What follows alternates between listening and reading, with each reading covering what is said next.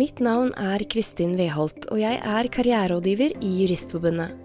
I denne første sesongen av På rett vei har jeg intervjua jurister rundt omkring i arbeidslivet. Hvilke karrieremuligheter fins egentlig der ute for deg som er jurist?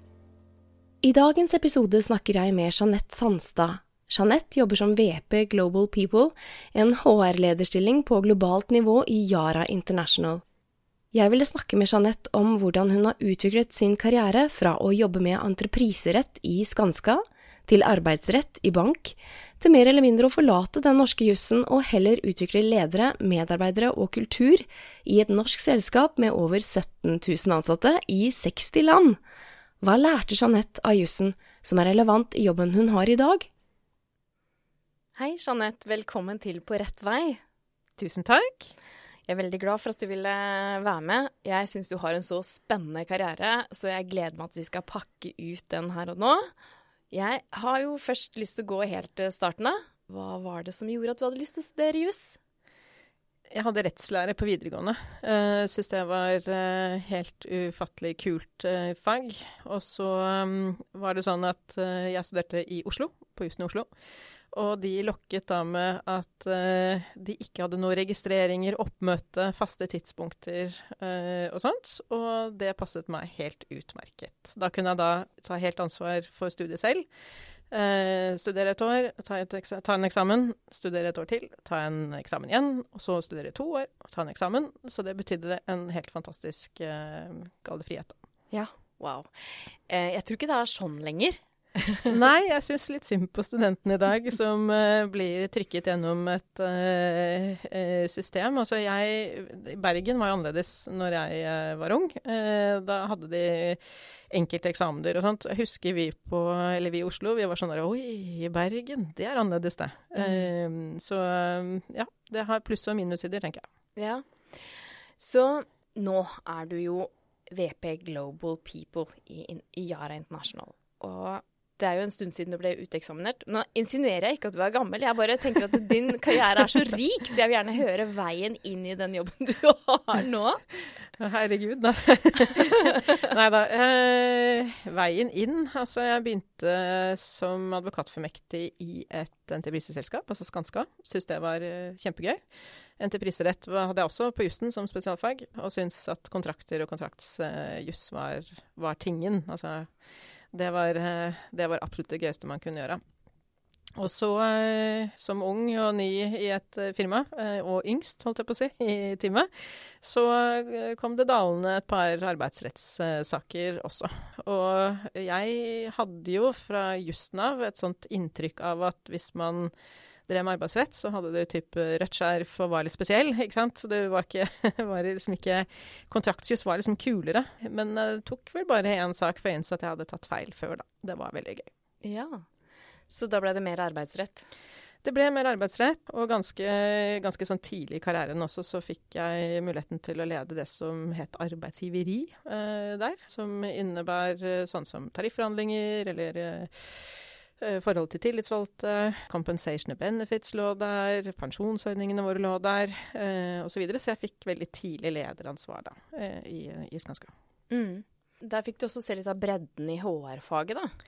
Gjorde det, og så også litt det, det som kalles grunnsteinen, altså byggesteinene i, eh, i hårfaget. Mm. Uh, og det er klart, uh, vi kalte det ulike ting sånn i løpet av de årene jeg jobbet der, men uh, Center of Expertise var liksom i vinden på, på det tidspunktet. Sånn så at det å lede på en måte et sånt ekspertiseområde var jo ja, var rett og slett um, nyttig og kult for hva som eh, har vært veien videre da, deretter. Ja, for hva skjedde så? Ja, hva skjedde så? Jeg, jeg, eh, jeg var i Skanska i ni år, og tok etter hvert, jeg eh, håper si, ledet ulike hårfunksjoner der. Og på et tidspunkt så fikk vi en ny sjef uh, som uh, i og for seg stilte meg ganske gode coachende spørsmål på om jeg var klar for å gi helt slipp på den legale siden, altså HR Legal-siden. Og da fikk jeg litt angst og tenkte at huff, det valget har ikke jeg lyst til å ta nå. Så da hoppet jeg faktisk tilbake igjen til HR Legal-siden, og begynte da i Danske Bank. Mm. Det jeg har lagt merke til, at det er mange som er jurister da, og studerer juss, som har veldig identitet i faget sitt. Så Mm. det er ikke bare å slippe. Det er ikke bare å slippe. Og så er det Det høres kanskje litt eh, rart ut, men når du snakker med eh, andre jurister, da, eh, så snakker man på en måte litt samme språk.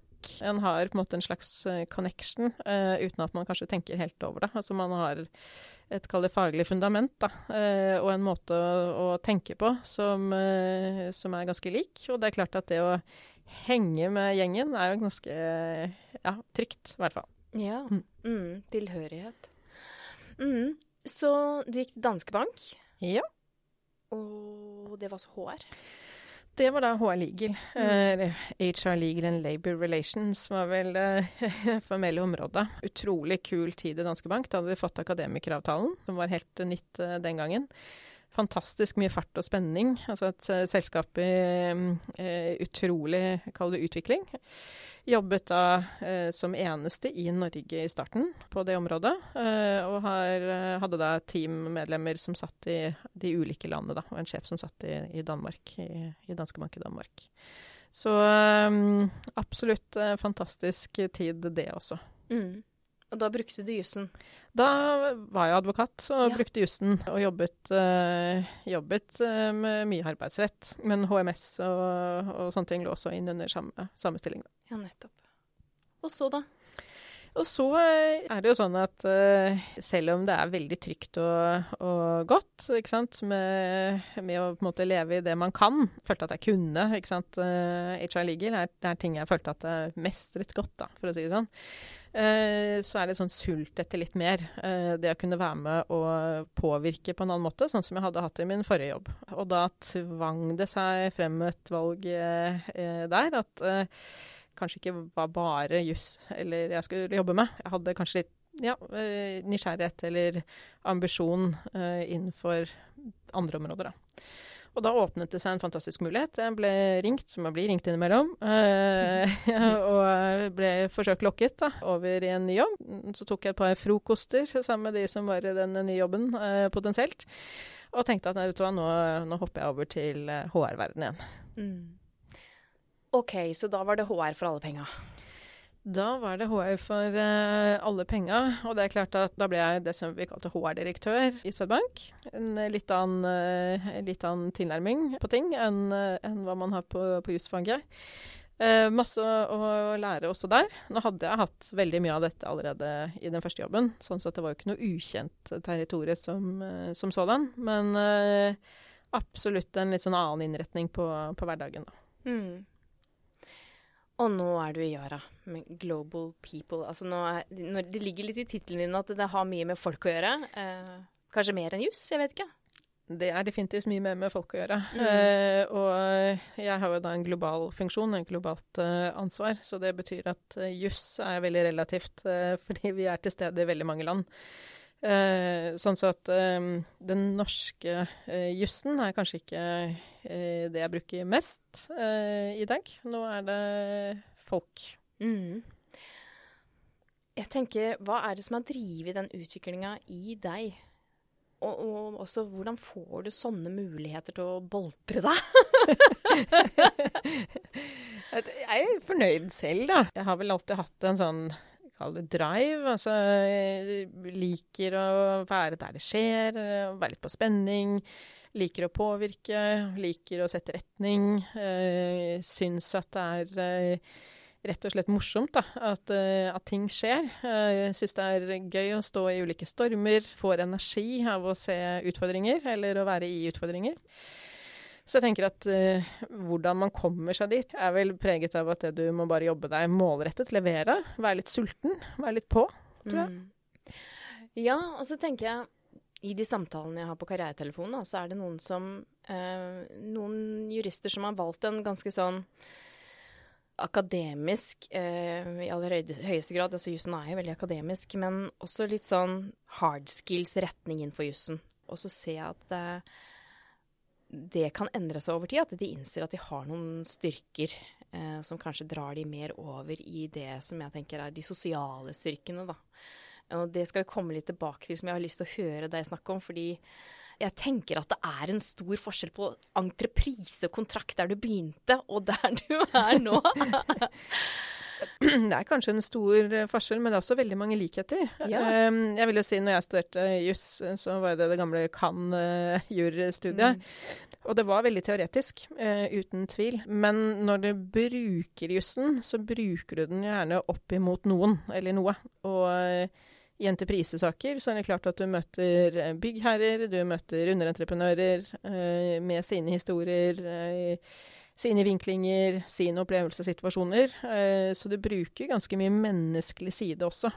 Det er klart at du sitter, så Jeg satt og tittet på disse endringsordrene ikke sant, og gulet ut at her var fristen oversittet. ikke sant? Eh, men i the end of the day så må du kommunisere dette til dem og finne løsninger. Så jeg tenker at jussen er jo absolutt teoretisk, men du bruker vel så mye de mer menneskelige kommunikasjonsegenskapene i anmeldelsen. Da. Mm. Kommunikasjon, ja. Så jeg har lyst til å snakke litt mer om det. Uh, jeg hører jo de faglige kompetansene du er innom. Uh, jussen er jo ett faglig område. Hvilke andre faglige kompetanse bruker du i jobben du er i nå?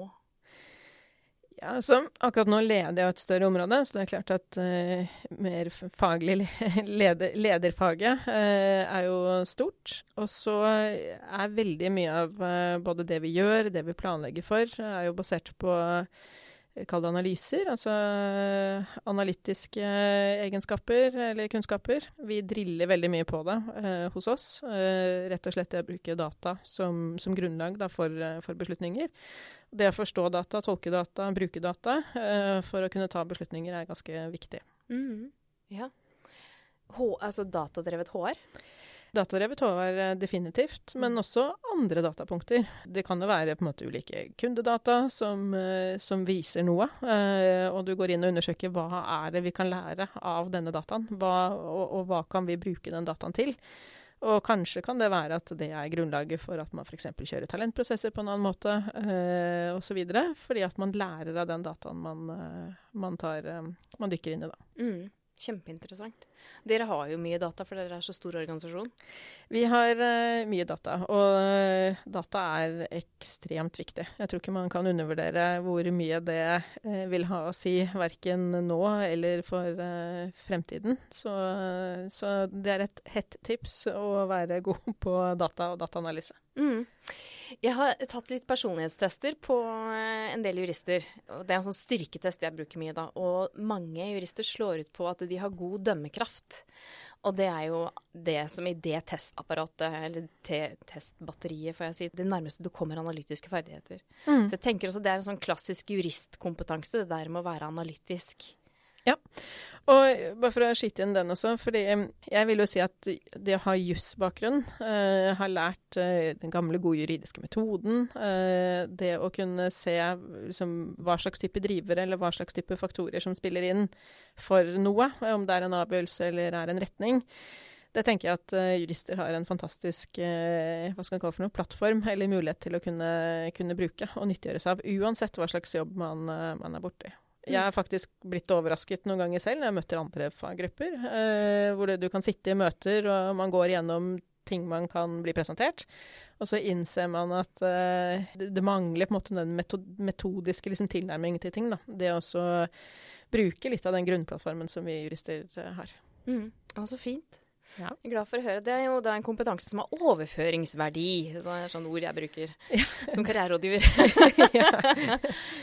Men eh, når det gjelder personlige ferdigheter, da. Ja. Hva bruker du da?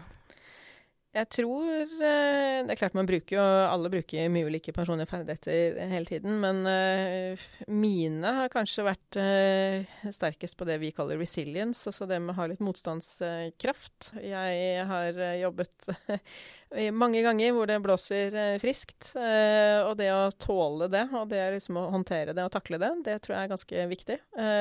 så motstandskraft definitivt. Og så drive er vel kanskje en annen ting. At du, du er litt sulten, du, du, driver deg selv. Kanskje hvis man går tilbake igjen til hvorfor jeg valgte jusstudiet, at uh, det var ikke fordi at noen fortalte meg at jeg skal møte torsdag klokken ti, uh, som er grunnen til at jeg dro torsdag klokken ti. Det er jo liksom en egen, en egen drive da, i, i, det. Så jeg tenker at uh, ja, det er vel kanskje de to jeg bruker mye. Mm. Når du sier resiliens, det tenker jeg er viktig i mange juristyrker, da. Det dukker opp igjen i flere av de samtalene jeg har. Har du noen spesiell strategi for å takle motgang, eh, stress? Altså har du noen tanker om eh, en, en bevisst strategi? En bevisst strategi. Jeg tenker Én um, ting er at uh, jeg har som utgangspunkt at det er jo ikke the end of the world uh, hvis noe ikke går veien. Det er vel kanskje noe jeg kaller født med også. Men det å som, hele tiden tenke det at uh, det er tross alt bare en ting eller et eller annet som, som feiler, det tror jeg er veldig viktig. Og hvis du gjør det, og tenker at man bruker det som læring i stedet, og tenker at jeg skal i ikke gjøre den feilen igjen, eh, så, så, tror jeg man unngår å torturere seg selv, i hvert fall, eh, over eh, ting som går litt tøft. Ellers så, så er det klart at eh, i konflikter, eh, konfliktsituasjoner, eh, som gjerne varer over lang tid, så er jo spørsmålet hvordan går man og legger seg klokken ti og sover godt natten igjennom og ikke ligger og tenker på, på konflikten. Og der har vel jeg en sånn eh, strategi på hva kan jeg gjøre noe med? Ikke sant? Hva kan jeg påvirke? Og hva kan jeg ikke gjøre noe med? Eh, og hvis jeg ikke kan gjøre noe med det, så er det heller ikke noe vits å ligge og tenke på det. Mm, den er fin. Mm, ja. ja. det er noe buddhistisk over det. Eh, jeg tenker også det andre du sa om at det jeg trakk ut av det du sa om at ja, hvis noe ikke går den veien du vil Altså det å tenke at en feil er noe du gjør, det er ikke noe du er. Også en sånn fin distinksjon, for det er så fort gjort å identifisere seg med prestasjonene sine, og det er ikke nødvendigvis representativt for hvem du er. Nei, det er klart det er et veldig følsomt område. Fordi mm, alle har jo lyst til å prestere godt hele tiden. Og vi omgir oss jo med eh, gode historier, ikke sant. Mennesker som lykkes, de har vist prestasjonen gang på gang. Og i den verden jeg lever i, i HR-verden, så er det klart at uh, når vi jobber sammen med headhuntere for å finne de beste personene, så er det klart at en god prestasjonstrack record er jo viktig. Mm. Og så er det gjerne sånn at man har jo lyst til å både finne mennesker som har vært eh, si, hva skal jeg kalle det, godt, godt på trynet, eh, og kommet seg over det uten å henge seg for mye opp i det, eller på en måte faktisk liksom plukket opp restene da, og, og kommet seg videre. Det er også et veldig godt tegn når man sitter og rekrutterer eh, til, eh, særlig til ledende stillinger. da. mm. For det betyr at du, du, får på en måte en, en mer solid Altså du har bevis på at personen er solid, mm. for å bruke, bruke det begrepet. Mm. Så det, jeg tenker at hvis man gjør en feil, gå på trynet, så plukk opp restene og kom deg videre. Og ta hellig læring av det som har skjedd. Mm. Fint. Hva tror du var avgjørende for at du fikk den jobben du har i dag? Nå må vi nettopp innom uh, det å ha en, uh, ha en, track record. Jeg tror det, det har nok vært viktig. Mm. Men jeg tror også at uh, det at man har noe å komme med, altså man har en ambisjon, man har en visjon, man har liksom litt punch, har noen tanker rundt hva det er man ønsker å oppnå, gjort seg opp noen meninger med det. Eh, sånn at man faktisk får lyst til å gi roret da, eh, til en som meg, eller eh, jeg gir roret til, til mine teammedlemmer også, på, på, ulike ting. Så jeg tror det har nok vært, vært ganske viktig. Mm. Hva liker du best ved jobben din? aller beste jobben min, så liker jeg at uh, vi er veldig globale. Uh, jobber sammen med utrolig mange fantastisk flinke mennesker i svært mange land. Så det betyr at uh, man blir litt uh, kall det starstruck av, uh, av, hvor mange flinke mennesker som er der ute. Uh, med ulike syn, ulike uh, kall det tilnærmingsmåter, men med samme mål som vi har. Vi skal responsibly feed the world and protect the planet. Og det er klart at det, det sitter godt hos alle hos oss. Mm. Ja, jeg har prøvd å, å nærlese CV-ene litt for å finne sånn Hva er det du gjør, eller hva er, hva er ditt faktiske ansvar? Og eh, sånn jeg har forstått det, da, også for du arresterer meg hvis jeg bruker feil ord, men at du er global leder for bl.a. lederutvikling, du sa talentutvikling, kultur og læring i et selskap med 17 000 ansatte på seks ulike kontinenter, eh, altså 60 land. Og jeg blir nysgjerrig på hvordan du navigerer i en så mangfoldig organisasjon. Ja. Det er også, eh, hva skal man kalle det for noe, eh, en, eh, et slags kaos, for å beskrive mm. det. ikke sant? Det er veldig mangfoldig, veldig mange ulike strømmer og måter å gjøre ting på. Eh, så eh, collaboration, eller samarbeid, det er en ganske viktig kjerneverdi hos, eh, hos oss. Og det å ta kontakt, innhente, søke råd, gi råd, skape en slags push and pull på det vi skal levere, er utrolig viktig. Push and pull?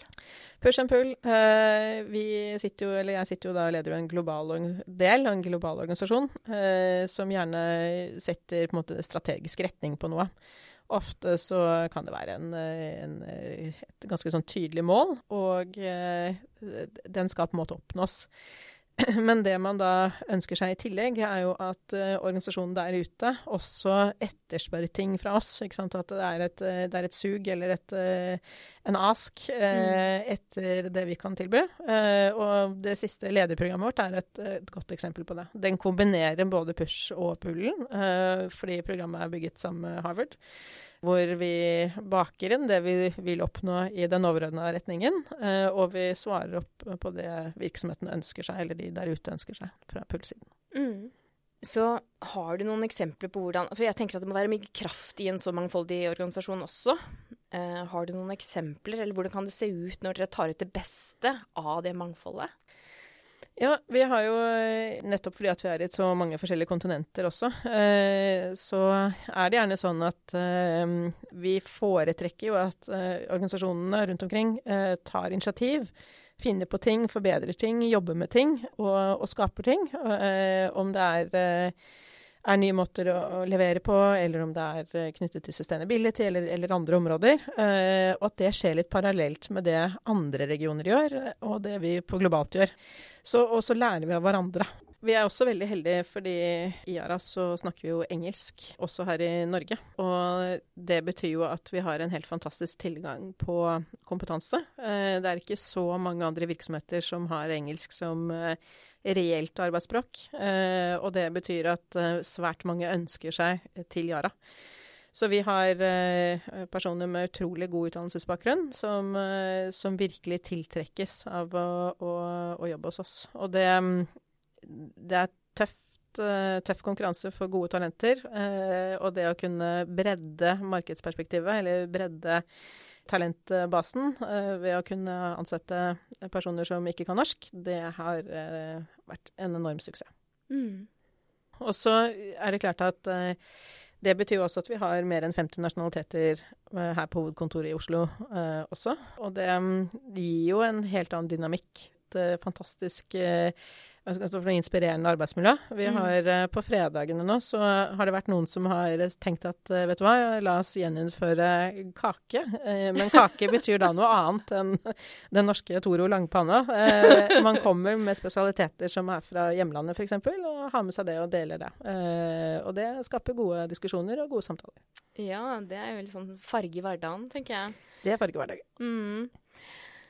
Jeg har lyst til å gå litt tett på deg igjen, Jeanette. Ja. Eh, jeg vil gjerne høre, hva er det viktigste jobben for deg for at du skal trives best mulig? Jeg er veldig opptatt av å kunne være med på å påvirke, eh, sette litt retning. Så det å ha rom for å kunne gjøre det, er viktig for meg. Eh, som person eller som individ så er jeg veldig glad i frihet, autonomi. Eh, jeg ser liksom trekkene fra tidlig, tidlig skolegang til der jeg er i dag. At eh, frihet og autonomi, det betyr, eh, betyr veldig, veldig mye for at jeg skal trives. Og så er det klart at uh, det å komme på kontoret for meg innebærer jo da å kunne møte og interagere med kollegaer. Ha det litt gøy på jobben, le litt, uh, ja, ha gode samtaler. Det er også veldig viktig. Mm. Så hvilken jobberfaring har du vokst mest på? Oi. Uh, det er nok veldig mange jobberfaringer jeg har vokst mye på. og jeg vokser fortsatt på jobberfaringer. Du, man tenker ofte at man gjør det i starten av karrieren mye, men gjør det absolutt uh, også fortsatt. Jeg har nok, eh, altså som jurist, da, eller som eh, fra legal-området, så har jeg f.eks. opplevd at eh, det finnes eh, tunge ledere som, eh, særlig da jeg var yngre, var veldig tydelige på at de vil noe veldig sterkt. Og som jurist eh, så ser du raskt at det er altså ikke Bruker begrepet gangbart eller lov, ikke sant. Sånn Eh, man kan tenke på det. Og det å også kunne tørre å sette foten ned og si at nei, vet du hva, det, det, dette går ikke. Og svaret er nei. Å være såpass tydelig på det at uh, selv om det er en uh, en stor fisk, for å bruke det begrepet, som eh, kan være ganske så um, tydelig på at uh, de vil ha det som de vil ha det, eh, og, og, stå imot det, det, det, har man vokst mye på. Ja. Det, fordi det har jeg også vært borti i, i karrieresamtaler her i Juristforbundet, at det er noen som blir satt i noen etiske dilemmaer. At de blir overprøvd, eller forsøkt overprøvd på At noen skal kutte noen hjørner, da. Mm. Hva, hva, vil du si til de som opplever det? Jeg vil si at uh, man må jo uh, ta stilling til hva det er man ønsker selv også. Jeg kjenner jo at det å å kunne mm, bygge opp en integritet uh, i en virksomhet eller uh, som rådgiver, uh, ettersom hva man, hva man, jobber med. Og, og, kunne si at vet du hva, hit, men ikke lenger. det tror jeg er ganske viktig. Men også kanskje ikke si nei hver uke til alt, for da, da, taper man på en måte den integriteten også. Så for meg har det vært veldig viktig å, å, være veldig tydelig når det er behov for å være veldig tydelig. Og det har gått veldig bra, altså. Man står igjennom den stormen. Ja, godt å høre så er det noen situasjoner hvor du har følt at du har virkelig gjort en forskjell som jurist? Oi. Eller som, som HR, eh, altså tenker jo at det er det er, eh, Jeg vil si at det er veldig mange ganger. Uh, sa du at jeg ikke var gammel uh, i starten? Du er ikke, jeg er ikke gammel, jeg vet det, men man har lagt en uh, Man har jobbet ganske mange år. og jeg husker når vi tok imot vitnemålet på jussen, så lovet vi å fremme rett og hindre urett. Mm. Og den sitter hos meg. Den, den, har sittet ganske tungt alltid. Eh, så det er klart at eh, en forskjell kan jo være hvis man har en arbeidsrettskonflikt, eh, og man omsider har signert en sluttavtale, hvor jeg har vært på arbeidsgivers side, men hvor du da ser at personen blomstrer et annet sted ganske kort tid etterpå, og, og ikke blomstret før, for, for, å si det sånn. Så det, det, å kunne en være en del av det, det har jeg syntes vært veldig givende. ellers så er det jo klart at jeg har vært heldig og vært leder i veldig mange år, og det å se talenter komme inn, også voksne talenter, eh, og se at det si, går veien, at de får utvikling, at de vokser i rollen sin og kanskje tar på seg større roller, nye roller. Det også er en helt fantastisk, eh, ja, fantastisk fin opplevelse. Mm. Jeg møter jo på mange som er på feil plass, og det er ikke fordi det er noe feil med dem, men de bare er på feil plass. Mm. Jeg liker at du trekker fram det at du kan være med på å se noen blomstre et annet sted. Eh, jeg møter så mange som er så redde der de er, fordi at de ikke føler mestring der, sant? og så blir de redd for det løpet ut, da. Men det kan faktisk gå på en fin måte, da. Jeg er en uh, stor jeg håper å si, promotør av at uh, kom deg videre. Blomstre et annet sted. Altså Hvis man er på feil plass, så betyr ikke det at det er noe feil med deg. Og det å tørre å, å ta det skrittet, det tror jeg er helt vesentlig. Jeg vil si at uh, stort sett alle, alle situasjoner, alle borti, så har det ordnet seg for, uh, for, de som jeg har møtt, i hvert fall. Det er uh, Ja. Det er ikke noe vits i å, å si, ikke tørre å stikke nesa frem og, og, og, prøve noe annet. Det har jeg også sett i mitt virke, at det er Veldig mange er mye mer fornøyd med den neste jobben sin. så hva vet du nå som jurist? som du ikke visste, eller som du skulle ønske du visste, da du var nyutdanna og skulle søke din første jobb? Jeg var nok kanskje litt sånn stressa som jusstudent og tenkte liksom hva i alle dager skal jeg bli? Og det er klart, eh, profesjonsstudiet er jo preget av liksom mange ulike fag. Man får liksom smakebiter av ting. Eh, jeg skal være så ærlig å si at arverett var det verste faget jeg hadde. Det var så kjedelig. Det var sinnssykt kjedelig fag. Eh, jeg husker jeg tenkte den gangen at kjære vene, hva skal jeg bli, på en måte. Så jeg tror kanskje at det jeg skulle ønske at jeg visste, var at du kan bruke jussen til mye. Det er en fin plattform. Det er en tilnærmingsmåte til ting, altså en metodikk man lærer, og man lærer altså ikke faget som sådan. Så uh, senke skuldrene litt og tenke at jusutdanningen er et bra fundament. Og etter det så får man bare finne ut hva man har lyst til å gjøre, da, og så gjøre det. Mm. Nå kunne jeg stoppa intervjuet her, kjenner jeg, fordi det var så bra punch i det du sa. Men jeg vil også spørre om hvilket spørsmål skulle du ønske jeg hadde stilt? Altså, jeg tenker jo at man får pirke litt i det med at um, hvis man har ambisjoner, altså hvis man har lyst til å, å gjøre noe, få til noe, eh, så må man også jobbe litt for det. Jeg føler at man snakker liksom ikke så mye eh, rundt det ofte. Man tenker at det, det er et slags eh, Ikke tabu, men at man, eh, man, skal liksom ikke si til folk at du må gjøre mer. Eh, og jeg tenker at helt ærlig så er det klart at ved å, å, brette opp armene og jobbe litt hardt, så har den tendens til å, å, pay off. Jeg tror at veldig mange jurister vet det, fordi jusstudiet var jo ikke noe avslapningscamp.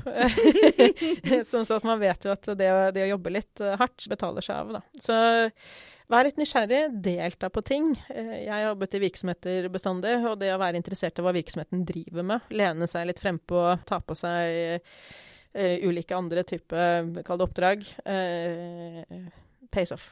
Mm. Det er fint.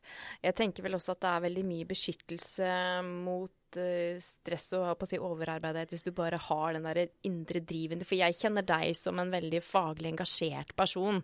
Altså du liker det du driver med elsker det jeg driver med. Uh, og jeg sier jo sånn uh, Jeg kunne jo ikke hatt uh, den jobben jeg har i dag hvis ikke jeg hadde vært mye på, men jeg opplever ikke det som noe negativt. Jeg elsker det jeg driver med, syns det er gøy. Jeg sitter og leser i Søndagsavisen og ser noe som er innenfor mitt område eller mitt fagfelt eller et eller annet som, som trigger noe, som jeg tenker at åh, her får vi spørsmål, eller dette, dette må vi ha en mening om, osv.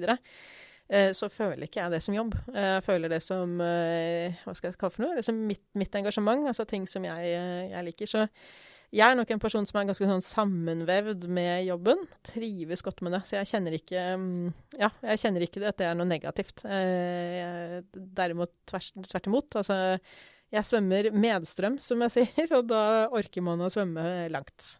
Ja. Hadde jeg ikke likt det jeg driver med og skulle forsøkt å svømme motstrøm, så hadde det vært noe annet. Mm. Viktig perspektiv. Jeanette, det har vært en fornøyelse å ha deg med på På rett vei. Tusen takk for at du ville komme. Tusen takk for at jeg fikk komme. Tusen takk for at du har hørt på På rett vei. Hvis du liker denne podkasten, del den gjerne med en venn. Og har du som jurist spørsmål om karriere? Sjekk ut karrieretjenestene våre på juristforbundet.no. For medlemmene våre tilbyr vi gratis karriererådgivning og digitale karrierekurs. Du kan også følge Juristforbundet på sosiale medier som LinkedIn, Instagram og Facebook. Vi høres!